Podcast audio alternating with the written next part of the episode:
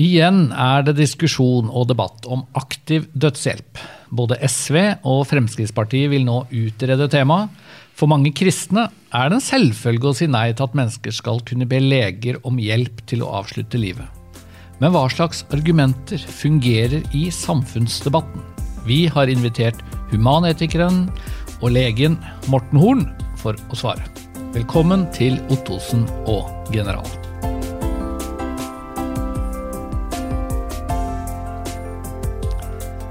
Jeg heter Espen Ottosen, informasjonsleder i NLM. Ja, og Som vanlig så sitter Øyvind Aasland her, jeg er generalsekretær i NLM. Og så har vi en veldig spennende gjest. Kanskje en av de som har ment aller mest om aktiv dødshjelp i Norge i over ti år. Ikke minst i avisa Vårt Land, det er jo litt interessant, for du er jo da eh, humanetiker og lege. Velkommen hit, Morten Horn. Takk for det. Eh, du, Før vi kaster oss over selve temaet, så må vi jo bli litt sånn kjent med deg. Og, og de som kan mye om Human-Etisk Forbund, vet at grunnleggeren, og da snakker vi i 1940 Ja, 1956 eh, skal du vel tilbake til, da, grunnleggelsen av eh, Human-Etisk Forbund. Og grunnleggeren var Christian Horn. Også kjent som Anti-Christian Horn den gangen, vet du. ja, ja. Og han var din bestefar. Ja, mm. Så det betyr at du Jeg tar sjansen igjen på at du har vært humanetiker hele livet? Jeg har ikke hatt noe valg, da. Jeg mener jeg er født inn i humanetikken. Det kan man jo si er en, et tap for meg. Eller så kan du si det er en gave. For meg har det vært en gave, kan du si, da, og, sånn som jeg, jeg, ser verden. En, en, gave å bli født inn i et uh, verdensbilde uten tanke for om det skulle finnes noe metafysisk, religiøst. Så for meg er det en gave. Men uh, klart, uh, for de som mener at uh, religion er verdifullt, så er det jo et, en stor vegg som mangler for meg, da. Mm. Så det, det, er på en måte to helt, helt motsatte måter å se det på. Mm. Men i det siste, du har hatt ganske mye kontakt med kristne gjennom bl.a. gjennom arbeidet ditt med, med aktiv dødshjelp. Det, har du opplevd det som greit, eller du, er du en som har hatt masse fordommer mot uh, kristne mennesker og folk som tror og driver med sånne metafysiske greier, eller? Ja, det er jo litt sånn på en måte, en spaltet personlighet man får da. Det er klart, eh, jeg har ikke noe problem med å mobilisere, kjenne på, eller i hvert fall trekke inn på en måte fordommene mot religiøsitet. og Eh, hvis vi skulle snakket her om eh, religionsundervisning i skolen eller barnehagen, så kunne vi virkelig fått eh, temperaturen opp. ikke sant? Ja. Men, men, du har ikke fått med deg så mye av det, du? Eller jeg tipper liksom at du har hatt fritak? Eller? Ja da, men jeg har jo en av mine historier handler om, på en måte, om hvordan jeg opplevde som guttunge på barneskolen. liksom jeg fortalte en sånn eh, TV-serie som het Datoen for noen år siden. Ja. Om, om, hvordan jeg opplevde å sitte i klasserommet, og en av guttene sier at ja, Morten, du skal jo til helvete når du dør. Mm. og det er klart at det å vokse opp i kompakte høyrekristne Bærum på 70-tallet, det var ikke bare enkelt for en som var eh, av min type. I dag så er det motsatt. ikke sant? I dag så er det sånn at de som er det er de som er kristne i dag, som på en måte mange steder er en minoritet og på en måte må være litt forsiktig med hva de sier. Mm. Så det har snudd veldig.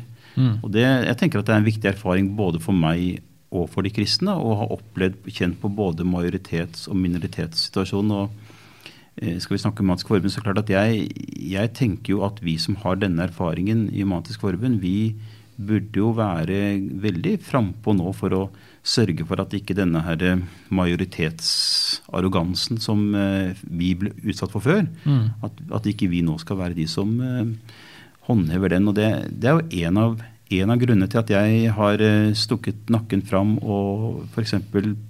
prøvd å vise litt miskunn med, med disse utskjelte reservasjonslegene. Mm, disse ja. legene som, enda så dumt jeg syns det er, har problemer med å godta abort eh, og henvist til abort. Jeg tenker at eh, ålreit, uh, for oss i dag så virker det veldig høl i huet at noen kan være så gammeldags. Men mm. Men eh, kanskje vi skal tenke på at det var en annen gang at det var vi som representerte et helt eh, et utskjelt og, og, lite tolerert uh, syn. Så jeg, jeg, jeg, er jo en forkjemper for toleransen, og toleranse er jo viktig da særlig med de som man er uenig med. Mm.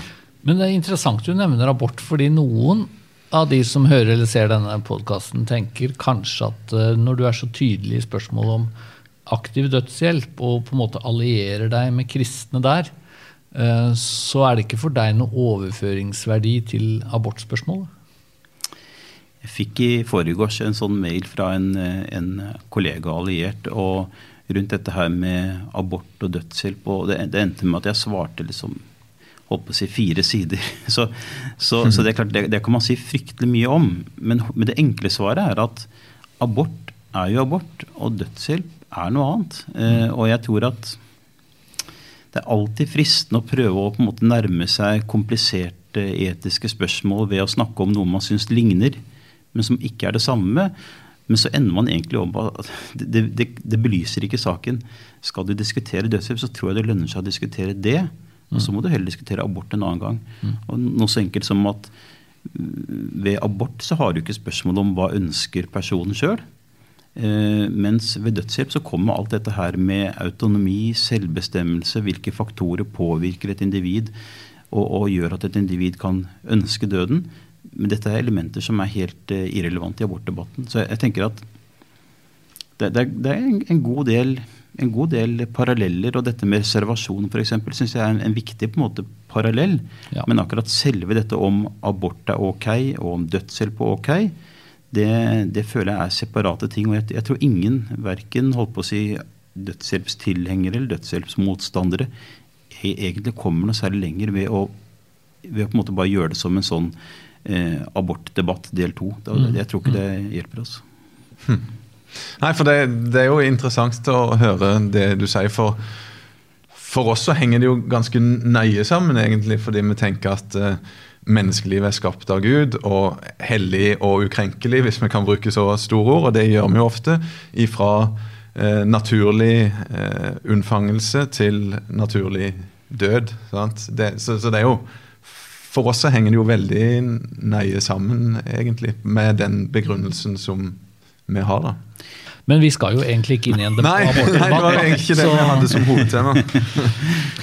vi, vi, starter med, med, Eller vi går litt til dette med aktiv dødshjelp. og da er det jo litt fristende å starte ved det som jeg tror eh, flest mennesker har eh, opplevd, nemlig de, de sterke historiene. Du så et eller annet på TV nylig du, om akkurat det? Ja, jeg gjorde jo det. Det er sikkert mange som har sett det med en ganske sterk historie om et ektepar som sto fram og fortalte historien om sønnen som hadde vært veldig syk.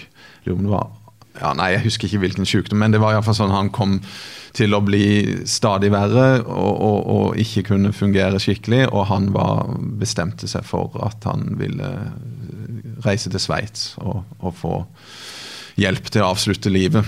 Og, det er jo en, det er jo sånn ekstremt sterk historie, og de appellerer til samfunnet og til politikerne. Det, det, må jo bli lov i Norge for sånne som oss å få hjelp der. Det, alle skjønte jo at det var best for, for sønnen. Og, så det er liksom Du føler på en måte du har tapt da, når du møter sånne veldig følelsessterke historier, og så skal vi komme med våre Vi syns jo vi har gode argumenter, men det er liksom ja, hva, hva, sier du i møte med sånn Jeg vet ikke om du så den historien sjøl? Jeg tror det var på TV 2. Nei, det var på NRK. Jeg var jo også var i, NRK, debatten eh, seinere og diskuterte akkurat, akkurat. dette her. Ja.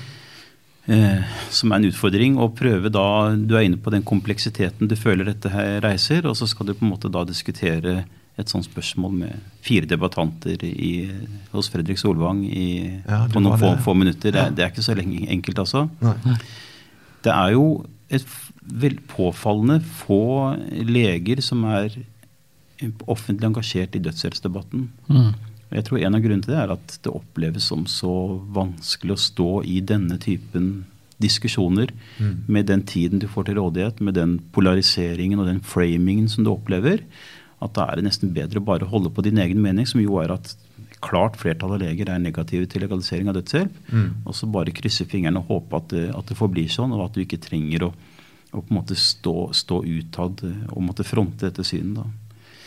Fordi disse fortellingene du, du, nevner, det er jo det er på en måte en egen sånn sjanger eh, som er å fortelle historiene om en person som lider veldig og har veldig sterkt ønske om å få hjelp til å dø. Og som da enten gjennomfører det eller ikke får gjennomføre det. Men uansett så er det på en måte Hele dramaturgien i fortellingen handler om å på en måte fortelle saken sett fra pasientens side. Mm. Jeg sier pasient, for jeg er doktor, så jeg er vant til å tenke på folk som pasienter. Menneskets side. Eh, og så også på en måte legge fram disse argumentene, og gjerne da med noe eh, musikk som hjelper oss til å komme i riktig stemning. Ja, ja. Eh, og så blir man jo da klippet inn kanskje noen eh, motforestillinger. Eh, enten fra en doktor eller fra klassisk fra en KrF-politiker eller noe sånt. Ja. Eh, og så mm, og så sitter man og tenker at ærlig talt, det må, dette må, nå, nå må det snart bli tillatt. Og så har de en meningsmåling på slutten, og den, eh, eller har de en Facebook-side hvor det må, måte bare renner over med ja til aktiv dødshjelp. Ja, for det er jo litt sånn at måten, det, måten diskusjonen kommer på, er jo at du vil være den da som kommer med argumentene og tenker prinsipielt. Og det du skal møte, er på en måte historier. Det er jo litt sånn rått parti i dagens debatt. Argumenter mot følelser eller prinsipper mot historier. Det går galt, på en måte. Det er eh, Det man kan si, er at journalistisk sett så burde jo idealet være ikke å være en aktør eller pådriver for det ene eller andre syn, men å prøve å løfte fram i offentligheten vanskelige spørsmål og prøve å sørge for at de blir belyst på en best mulig måte. Eh, hvis du har en klar aktør som har en agenda, og det er For disse foreldrene i den saken nevner, har jo en klar agenda om hva de mener er riktig, og det er jo helt åpenbart deres rett. og de klart at det er en stor eh, belastning for dem også å stå fram og fortelle denne historien her. Mm, mm. Men samtidig så er det slik at hvis poenget var at vi skulle hatt en samfunnsdebatt, da, så kan det ikke være sånn at den avgjøres liksom bare at noen som har en sterk historie, forteller den, og så sier vi at ja, men dette var jo ille, så bare vedtar vi det. Samfunnsdebatt handler om å argumentere for og mot. Eh, og da tenker jeg at det er en, jeg syns det er en svikt i, i medienes dekning av disse sakene at ikke de at de på en måte fritar noen aktører fra dette med kritiske motspørsmål. Eh, det å på en måte Altså kildekritikk, altså. Det er veldig rart. For da, da får du en sånn veldig rar eh, sam, samfunnsdebatt. Hvor noen skal eh, på en måte være helt fritatt for dette, mens andre på en måte blir stående der som eh, store stygge ulven og forsvarer av system. Og, eh, det, det, er klart, Jeg skjønner at, eh, at det er få av mine kolleger som ønsker å stå i dette her. Ja, det er ganske forståelig, det. Men hva, hva, hva sa du, da? Til Fredrik Solvang, eller til meddebattantene i studio? Eller til norske folk. Eller til oss? ja. Altså Det jeg tror, er at man Og igjen, jeg er så glad for at jeg er humantiker, og at jeg ikke trenger å ha noen klare, entydige svar, absolutte svar. Noen, noen regler som er hugget i stentavle som ikke har lov til å, å fikle med. Vi kan komme tilbake etterpå ja. til fordelene ved å ha det sånn. Men okay. Men jeg, for, for da, da kan jeg si det at ærlig talt, jeg skjønner det, norske folk. At, eh, at dere tenker at i noen tilfeller så hadde dødshjelp vært en riktig, riktig utvei, eller iallfall hadde godt å ha den muligheten. Og det er jo særlig to argumenter for det. Det ene er at det finnes jo noen som noen veldig få riktignok, som lider forferdelig ved livets slutt. Og, og, og på en måte for meg som doktor å tenke at helt nederst i doktorveska mi så er det et sånt hemmelig rom, og så åpner jeg, der ligger den sprøyta som jeg kan bruke bare sånn just in case, liksom. At, at det hadde vært en bra ting, og det, det tror jeg i hvert fall veldig mange leger er enig i. Og jeg tror befolkningen også ville følt det betryggende å vite at, at legen din hadde en sånn, eh, en sånn reserveløsning. Eh, og det andre handler om dette med autonomi. og det er klart at Når folk er vant til å tenke på det mitt liv, min kropp, min død, ikke sant? altså at man skal få bestemme sjøl, det er også et veldig godt argument. Som jeg tror at eh, hvis man, ikke, hvis man på en måte sier at eh, nei, de argumentene er ikke gyldige fordi at det er en absolutt regel om at vi skal ikke ta livet av folk, og dermed så, så, så kan vi uansett ikke ha dødshjelp. Da tenker jeg at da, da Og det er jo no, noen kristne debattanter har jo på en måte den Enten, enten de sier det, eller kanskje de assosieres med det pga. de fordommene som dere vet at eh, vi sekulære har mot de religiøse. Eh, Så tenker jeg at da, da, da avskjærer man seg, og man, man på en måte stempler seg selv. da. Så jeg tenker at det for meg å kunne si at ærlig talt, jeg skjønner dette her, at, at, dere kanskje vil ha dødshjelp, og at det, at det, kanskje kunne vært en fordel om vi hadde den muligheten. Men så kommer motargumentene. Og jeg føler at eh, Jeg håper og tror at jeg blir At jeg får mer vinner mer gehør hos mine meningsmotstandere fordi jeg kan innrømme dem. Jeg, er fri til å innrømme dem at de har et poeng. Mm. Ja, for Du har jo sagt at du, du, vil, du har sagt til oss kristne overlatt denne samtalen til oss. har du ikke det? Noe i den duren? Ja, jeg har sagt det, riktignok med et glimt i øyet. Håper jeg trengte gjennom avisspaltene, da. Ja. Eh, du kan si det, det, det hvis du er eh, religiøs, da, du, og du får et sånt spørsmål i, i, i offentligheten, og, og, du vet at det er ikke lenger slik at det er et religiøst hegemoni i Norge. Det er eh, multikulturelt, og faktisk så er de, de uten noen særlig religion er jo flertall sånn numerisk i dag i samfunnet. I Vesten, ja. Ja, hos oss, ja. ja. Og, da, og da kan du på en måte si at ok, nå skal jeg prøve å overtale befolkningen om mitt syn. Hva er på en måte det mest effektive grepet du kan bruke da? Mm. Er det ved å vise til de religiøse argumentene som, som, for meg eller for deg da, er på en måte ikke bare viktige, men kanskje preger hele livssynet? ikke mm. sant? Som jeg skjønner jo at det er sånn det er. Eller er det å prøve å se for det første hvilke argumenter er det som jeg vet at har sjansen til å nå fram i denne veldig heterogene, mangfoldige befolkningen? Eller kanskje litt mer finurlig, finnes det en måte å formulere da et religiøst argument på, på en måte som også vil være gyldig for en som ikke er religiøs. Mm. Og det krever litt sånn både tankearbeid og litt, ærlig talt, litt jobbing fra din side. da. Klarer jeg å si det jeg mener eh, på en måte som en som ikke har denne religiøse bakgrunnen, kan akseptere og forstå? Mm. Og Det er det jeg har ønsket fra, fra, Kirkens side. Og så kommer dette her med alle fordommene, alle forventningene og historikken. ærlig talt. Som sagt, Vi kan snakke en del om, om Kirkens rolle i Norge da, hvis vi skal begynne å, å gjøre det. Så, så, så, så man, man, har denne her, man har disse fordommene man må, må bale med. og Det er derfor jeg sa det litt sånn spøkefullt. at mm. Jeg tror ærlig talt at Eh, hvis målet er å unngå dødshjelp i Norge, så er jeg ikke sikker på om kirken eh, har, eller kristendommen er på en måte en, en god eh, forkjemper for det synet. Og i, i, de fleste land der dødshjelp har blitt tillatt, for å si det sånn, så har, så har det på en måte vært en sånn klassiker at den katolske kirken var sterkt imot. Og det blir nesten et, et poeng i seg selv i disse landene. Mm -hmm. Og på en måte frigjøre seg fra liksom, sant, den katolske kirkens grep over menneskene. Da blir det liksom fremskritt å ja. innføre aktiv dødshjelp. Og, og, det gjør at f.eks. de funksjonshemmede, som da også da er eh, en viktig stemme i denne debatten her, de blir typisk da skal ikke gå for langt, men altså i Canada og California f.eks. så så jeg veldig tydelig det. At disse mer sånn da religionsuavhengige argumentene fra de som kanskje føler at dette rammer dem sjøl, mm. de drukner litt grann i den der kulturkampen mellom de sekulære og de religiøse. Og jeg tenker det er litt dårlig gjort også. Eh, så derfor jeg tenker at, eh, mm. at de som eh, jeg synes at De som argumenterer mot dødshjelp ut fra et kristent standpunkt, de skal tenke over hva, hva, er det viktigste. Er det viktigste på en måte å få markere mitt, min religion og, og, de ting som er viktige for meg som religiøs, eller er det viktigste selve saka? Mm. Eh, og, og, og, og, siden det nå en gang er slik at vi har disse fordommene mot religiøse argumenter, kan jeg risikere å, på en måte, å forvirre eller ødelegge debatten på den måten. Mm. Eh, og, da, som et minimum, så tenker jeg at det, det er viktig at man prøver å, å tenke over argumentasjonen sin. Eh, og, på en måte tenke at nå er det noen gang slik at det er et veldig sekularisert samfunn, og, og, det er en av rammebetingelsene jeg må forholde meg til. Ja.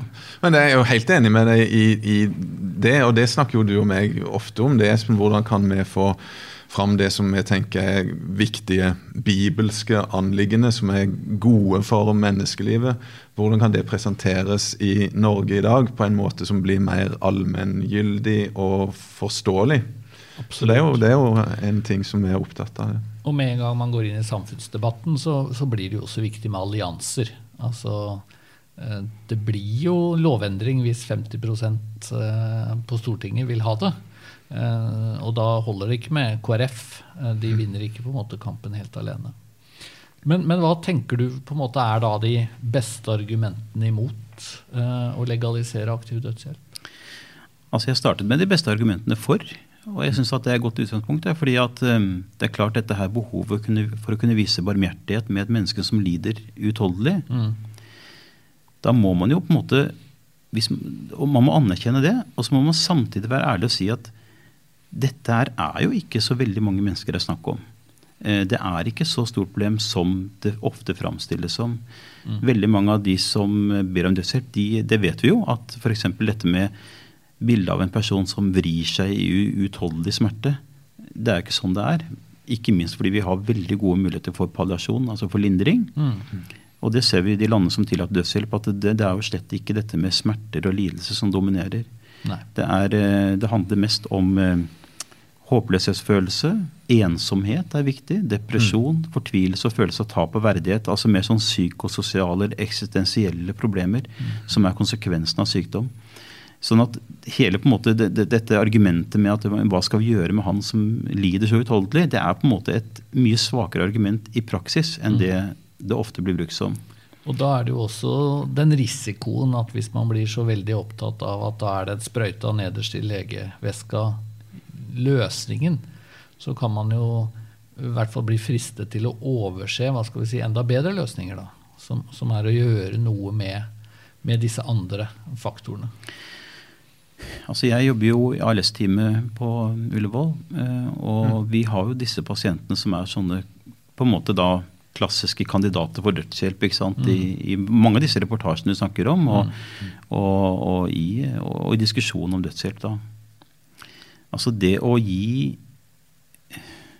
ja, Ordet livshjelp er litt vanskelig i dag etter at Høybråten brukte det. Nå har det blitt litt sånn, litt sånn eh, misfarget av religiøsitet. Da. Så det er nesten litt vanskelig å bruke livshjelp uten at man på en måte havner i denne her kulturkrigen igjen. Mm. Men det, det, å gi livshjelp, det å gi god lindring, det er jo ikke sånn at det er eh, enkelt for døende mennesker. Det er ganske ressurskrevende og emosjonelt krevende. og og det kan kreve at man ofrer noe. Mm. Eh, mm. Også for de pårørende. Kan man spørre seg hvor mye skal man ofre for hverandre? ikke sant? Og Her kan jo kristendommen komme inn og si noe om er vi individer eller har vi noe sånn kollektivt ansvar. Eh, både humantikken og kristendommen tror jeg kunne egentlig samles om det om at, eh, at dette med å ofre noe for hverandre er en, er en, viktig del av det å være et samfunn.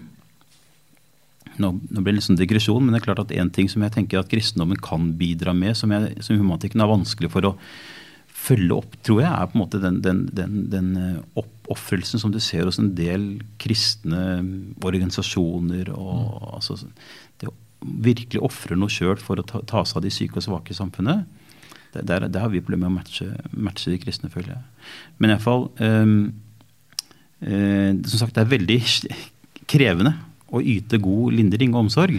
Ja, for sånn sett så, kan jo noen si at aktiv dødshjelp er litt the, the, easy way out.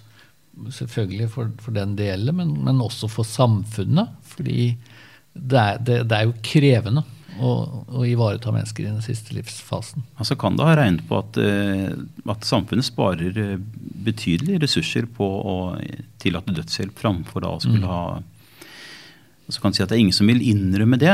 Men, men, men, eh, vi vet jo allerede i dag hvor vanskelig det er å få myndighetene til å bevilge ressurser til god dødsomsorg. Vi har nettopp hatt en stortingsmelding i, i Stortinget nå. Hvor noe av problemet er at det er lett for Bent Høie å gi noen millioner her og der til et eller annet sånt synlig, flashy produkt. Men det å på en måte virkelig prioritere god palliasjon, det krever en ressursinnsats som, som samfunnet syns er vanskelig. da. Mm.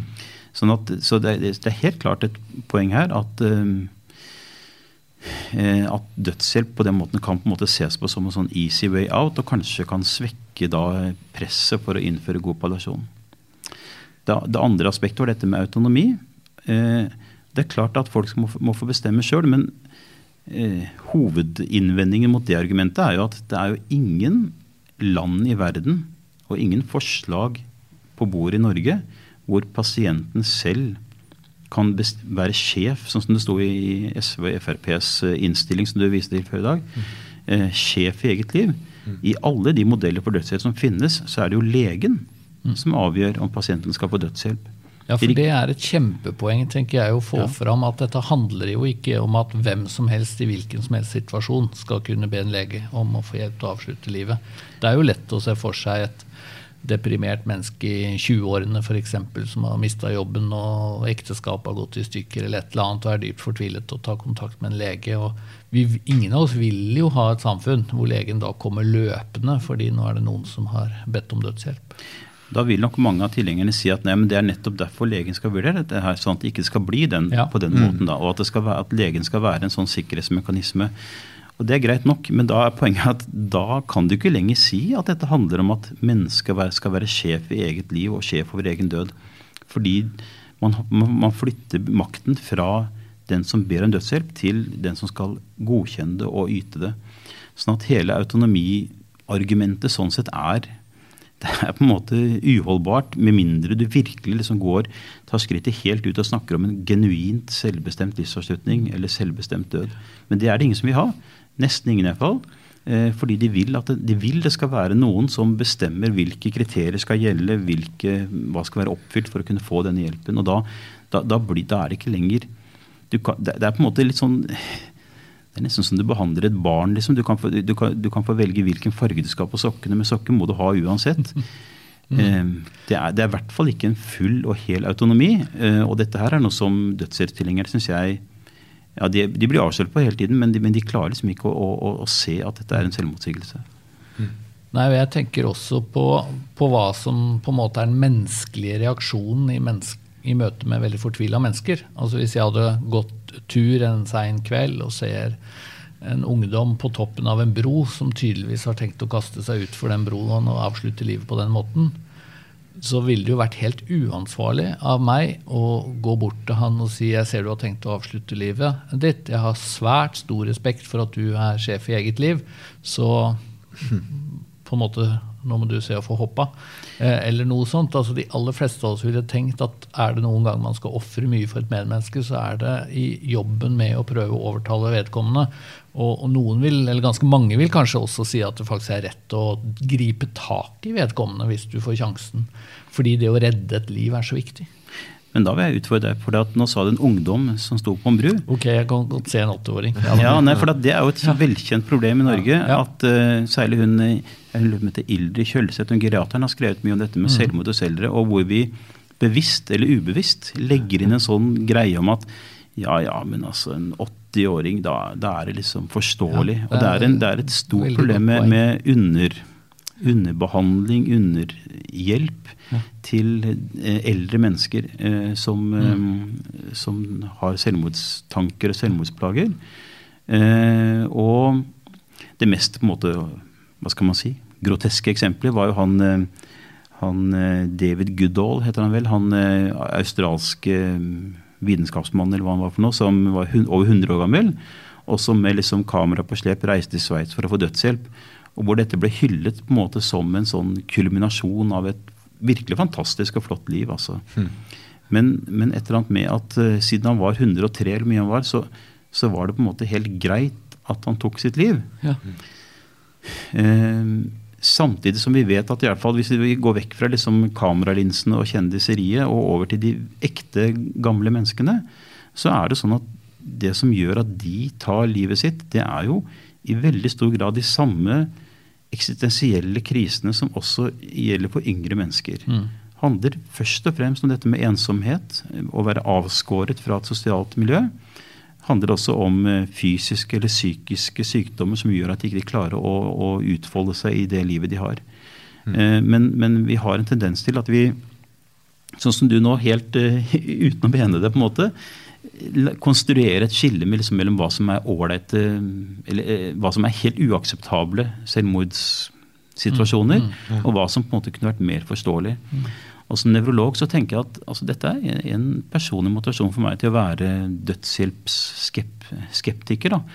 At jeg, jeg, sitter jo med disse menneskene som har alle disse stigmaene som Du nevnte denne, denne saken på NRK, en, en pasient med 4H-syndrom, som er en diagnose som jeg også utreder og stiller. Mm.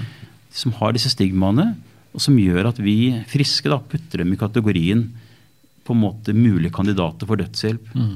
Og jeg syns, for meg som skal behandle disse, så syns jeg det er vanskelig å på en måte skulle godta at disse befinner seg i en kategori hvor, de er på en måte, hvor det er ålreit eller forståelig eller akseptabelt om de, om de velger å, å, ta livet sitt. Jeg, jeg, skal jeg kunne være der for dem, så føler jeg at jeg må tvi, som helsearbeider må tviholde på dette at jeg, jeg, kan ikke separere inn i på en måte verdig, ikke verdig til å få hjelp til å dø. Det, det går ikke. Og det er jo konsekvensen av aktiv dødshjelp og at det blir mer og mer vanlig og akseptert det må vel òg være at det sitter mennesker med sånne sykdommer og tenker at det er sikkert best for alle at jeg bare sørger for å få hjelp til å dø. At det, det, det, blir et press på mennesker med den type sykdom om å faktisk avslutte livet sitt. Jeg vet ikke om du ser noe til det, eller tenker noe om det? Altså, dette er jo den um, hypotesen eller, eller motforestillingen da, som kommer fra, særlig fra, fra legefaglig hold, mm. uh, og fra, også fra de, uh, de, som er representanter for funksjonshemmedes foreninger og kronisk syke og sånn. Det er en hypotese. Det, det må ikke bli slik. Men, uh, men jeg tenker at i dag så er ikke dødshjelp tillatt. Vi snakker om at vi skal tillate det eventuelt. da. Og da kan vi ikke på en måte lukke øynene for den muligheten. Uh, vi er nødt til å forholde oss til at det kan bli en konsekvens av sånt, eh, en sånn lovendring. Mm. Og jeg, jeg, er bekymret for at det kan bli, det blir resultatet, som du nevnte nå. Men jeg kan, ikke, jeg kan ikke si at det med sikkerhet vil bli det, men jeg er bekymret for det. Og når det gjelder på en måte hva som vi har sett i andre land, så er det jo veldig vanskelig å få, eh, å få ordentlig grundig innblikk i tankene og motivasjonene til de som ber om dødshjelp. Det har jo aldri vært gjennomført noen form for etterundersøkelser av de menneskene som har dødd gjennom dødshjelp f.eks. Det kunne jo selvfølgelig da, De som har kontakter på andre siden, kunne sikkert fått til det. Men vi andre vi, vi får aldri vite hva som egentlig, egentlig drev dem. Men, eh, men øh, øh, og det kan jo også gjøre at litt av debatten blir skjev. Altså Det vil jo også være historier, andre typer historier enn den du nevner nå, som heller ikke kommer fram. Altså hvis noen f.eks. da opplever at noen tar eh, livet sitt ved hjelp av aktiv dødshjelp i andre land, da tenker jeg på, som, som på en måte er veldig skuffa eller angrer veldig, eller på, vedkommendes vegne. da, Veldig vanskelig å se for seg at de eh, syns det er enkelt å, å f.eks. stå fram i et TV-program. Det ligger litt sånn i sakens natur at det er de som støtter det valget som ble tatt, som vil eksponeres for dette.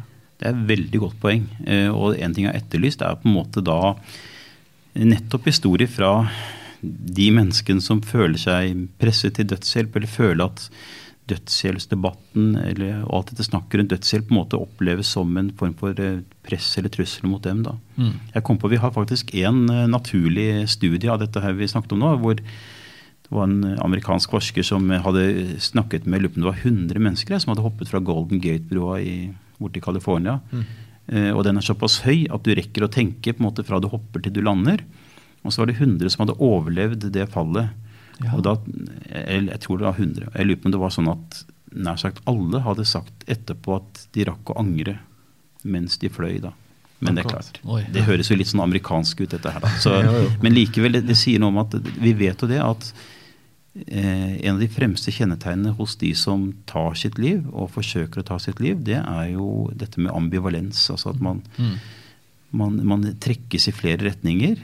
Og så er det på en måte resultatet av både indre motivasjoner og ytre responser av samfunnet og, som gjør om man ender med å dø av selvmord eller ikke gjør det. Mm. Og den ambivalensen, den, den er på en måte like mye til stede hos de som eh, lider av f.eks. alvorlig somatisk, altså kroppslig sykdom, som de som lever, psykisk, lever med psykisk sykdom. Mm. Sånn at det er, noen, det er, ikke noen mulighet for å på en måte filtrere vekk de ambivalente hvis det tillater dødshjelp. Det vil alltid være der som, et, som en, eh, en, problem. At du, at du risikerer å gripe fatt i og Det syns jeg er litt viktig at jeg tror alle mennesker nesten har på en måte en del av seg som trekker retning av døden, av selvmordet. Det kan være minimal, kanskje oppleves som null også hos noen. Men, men hos alle så ligger dette potensialet med, med, med selvmordstrangen mot selvmordet. Og så har du trangen mot å leve. Og Jeg tror at dette med den sosiale rammen rundt, eh, rundt individet er noe av det viktigste som gjør at folk ønsker å leve. Det er på det som jeg ser med mine pasienter. At det, det, er, det, som er, det er det som betyr noe. Eh, ikke de fysiske symptomene, men den sosiale følelsen av å være en del av et fellesskap. Hvis vi legaliserer dødshjelp og på en måte skal hjelpe noen med det, så føler jeg at det innebærer å gripe fatt i liksom den dødssøkende biten av mennesket. Og si at ja, det er den, det er den vi skal hjelpe nå. Mm. Eh, og jeg vet ikke hvorfor det er riktig av oss å gjøre det. Vi kunne jo valgt å si at nei, vi skal gripe fatt i den livselskende biten av mennesket og, og tenke at det er den vi skal gjøre noe med. Og i hvert fall for helsevesenet. Det, for meg er det viktig, i hvert fall for helsevesenet, så mener jeg at det bør være vår rolle. Eh, det finnes noen sånne Hemlock Society, noen sånne selvmordsromantiserende foreninger som har funtes rundt omkring. og Det var opphavet til dødshjelp i Oregon i USA. var en sånn Hemlock Society. De romantiserte dette med å liksom drikke giften og så dø for egen hånd. da. Det er ikke utenkelig for meg, og igjen fordi jeg er humantiker og ikke er nødt til å ha noen sånne totale, absolutte skiller. Det er ikke utenkelig for meg at Norge kunne på en måte tillate noen å ha en sånn selvmordsklubb, og som måtte ha da sine kriterier for hvem som fikk være med, og hvor mye de krevde for å på en måte oppfylle det. Men det er helt avgjørende for meg at helsevesenet ikke skal bli en del av den selvmordsklubben. At vi skal si at når folk kommer til oss med selvmordsønsker, så skal vi forstå det, og vi skal på en måte anerkjenne det. og Vi skal bruke det som inngangsport for å prøve å hjelpe individet. Men vi skal ikke omfavne og akseptere og hjelpe den biten av mennesket. Mm. Skal, vår rolle, det, det, du skal kunne forvente av en doktor eller en sykepleier når du kommer til helsevesenet, er å få hjelp med den livsbejaende biten. Eh, og selvfølgelig innenfor rammene av at vi skal respektere individets autonomi osv. Vi skal ikke påtvinge folk behandling mer enn det vi har rett til. Men, men, men vår jobb skal være å hjelpe med mm. livet. Og så får heller ærlig at andre ta seg det med hjelp med døden, hvis samfunnet mener at det er eh, riktig å ha en sånn eh, utvei. Mm. Og Du har jo sagt nå at du tenker at spørsmålet er utreda godt nok. Vi trenger ikke bruke mer ressurser på det, men heller bruke ressurser på ja, palliativ og det å, å, å ta vare på mennesket som for å gi det et godt liv så lenge det varer. Altså, jeg har på en måte vært uh, intenst engasjert i dødshjelpsdebatten nå i over ti år. Så, og jeg skjønner det at um, det som er godt nok belyst for meg, er kanskje ikke godt nok belyst for uh, alle andre. Det, det, jeg, det, skjønner jeg, eller det glemmer jeg kanskje litt uh, for lett. da. Men, men, men, det er sånn at i i helsevesenet og i den medisinske etikken så er dødshjelp på en måte gjennomdiskutert. Mm. Mm. Eh, og de, de, argumentene vi bruker i dag, de brukte man for 10, og 20, og 30 og 40 år siden. Mm. Eneste nye som er kommet i løpet av de årene her, er erfaringen fra særlig Nederland, hvor vi har sett veldig tydelig at man får en sånn skråplansutvikling. Mm. Mm. Så om noe så er på en måte kunnskapen i dag mer klar på det enn det var eh, før. Men ellers er argumentene de samme.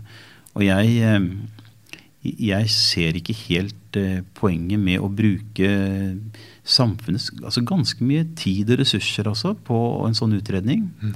Jeg syns også det er litt provoserende at Enda jeg da på en måte da Jeg skjønner at jeg driver og puster liv i dødshelsedebatten gjennom mitt engasjement, men jeg syns det er på en måte litt uh, provoserende at, at, det er så lett å få oppmerksomhet rundt dødshjelp, og så vanskelig å få oppmerksomhet rundt palliasjon. Mm. Eh, organdonasjon og dødsdiagnostikk er et annet tema jeg er opptatt av. Veldig vanskelig å få liksom, avisen til å føle at det er noe interessant å skrive om. Enda det er mye mye mer relevant for ditt liv og for de flestes liv enn dette med dødshjelp. Mm. Så eh, jeg synes det er, jeg, jeg, skulle ønske at vi brukte mer tid på det som virkelig kunne gjøre forskjell. Mm. Og, og, det er særlig dette med palliasjon dødsomsorg er veldig, veldig viktig. Du, jeg tror vi må si fra vår side at vi har gjennomdebattert og gjennombelyst temaet. Eh, vi skal fortsette litt, Øyvind, med ja. å snakke om litt uh, løst og fast. Men uh, Morten Horn, du har en ny avtale rundt hjørnet, så du skal få lov å bli takket av. Strålende å ha deg her. Ja. Tusen takk for at du stakk innom. Veldig interessant å få en skikkelig prat med deg om de tinga her. Så kan det kan jo være vi finner på å invitere han igjen. Det kan fortsette. Om et annet tema. Vi får se. Veldig hyggelig å være her. og Hvis jeg får lov, så er det en sånn snikreklame på kjøttet. Jeg har ikke avtalt, men vi har altså gitt ut en bok, eh, Morten Magelsen og Daniel Joakim Kleiven, som er på en måte fra, fra deres eh, side, da, og meg. En, en nordisk antologi om dødshjelp. Ja. Som er gratis nedlastbar på dødshjelp.org. Så enkelt som det. eh, Non-profit. Og hvor vi har samlet det som vi mener er de viktigste argumentene mot legalisering av dødshjelp. Og Det er en bok som jeg har eh, bidratt til at skulle bli eh, på en måte konfesjonsfri.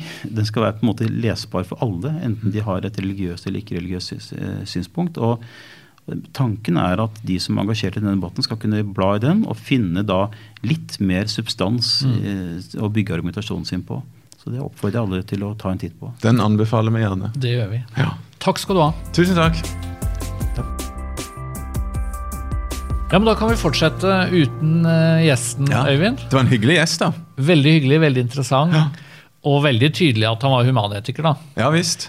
Vi- Og det, det visste vi jo om, da. Vi visste om det og tenker at uh, det er litt interessant å få inn folk som har et litt annet perspektiv. Og så var det vel sånn at vi beit oss litt i tunga begge to, fordi vi hadde jo lyst til å, å si litt mer om Ja. det kristne perspektivet på Kanskje vi skulle invitert han inn en gang og snakka litt om forholdet mellom kristen og allmenn etikk. Og utfordra han litt mer på noe av det han postulerte i samtalen. Det, vi, vi gjorde jo ikke det fordi at samtalen ville tatt en helt annen retning. Ja. Men det får vi kanskje gjøre en annen gang. Og det kan hende vi må opp oppsummere litt uh, dette spørsmålet en annen episode. Men nå må vi snakke litt om løst og fast. Ja. Og jeg har litt lyst til å, å gjøre oppmerksom på eh, at vi har jo kalt en spalte for Siden sist. Siden sist. Eh, Så dumt. ja, det er noen som sier at det er veldig dumt, fordi at vi snakker jo om så veldig mye mer enn bare det som har skjedd siden sist. Ja. Så kanskje er løst og fast en god Kanskje vi skal invitere til en sånn navnekonkurranse. Hva skal spalten hete? Kanskje det. Men noe som har skjedd siden sist, jeg føler at det må sies. Altså, Det er at du har vært på hyttetur. Og, og ryktene vil ha det til at du var oppe i en eller annen sånn ak fjellaktig, fjellaktig hytte med mye tåke, og Ja. det var det. Ja, det stemmer det. Det sier litt om, eh, om hvor, eh, hvor dypt koronakrisen stikker, når det er sånt du bruker ferien på. Ja, jeg liker meg jo best i byen, da. Så, så det var jo Betyr et stort skritt å dra på en sånn hyttetur. Og, og Det var konas forslag, for å si det sånn. ja, vi var, vi, jeg, jeg tror vi må si vi var sammen om det. da. Det var okay. tid for en liten pause. Vi hadde litt kort sommerferie og forskjellig sånn, og så var det fint å ha en liten pause nå. Så det var, det var veldig hyggelig. da. Ja. Sitte inne og lese bok og fyre i peisen, det funker, det. Så bra. Men du hadde en telefonsamtale, hørte jeg. Var det i går? At, Ja. eh, at du ble oppmuntret selv? Ja, dette er jo eh, I den tida her som vi så ofte sier nå, den frasen skal vi egentlig slutte å ja. bruke, kanskje. Men det er ikke mye møtevirksomhet. Nei, det ikke det. må vi i hvert fall kunne si. Og det, det er mye som egentlig er litt sånn negative nyheter og usikkerhet og, og, og forskjellig i, i både i verdenssituasjonen med pandemi og i den kristne virksomheten i Norge og i NLM, hvis vi skal snevre det helt ned til det.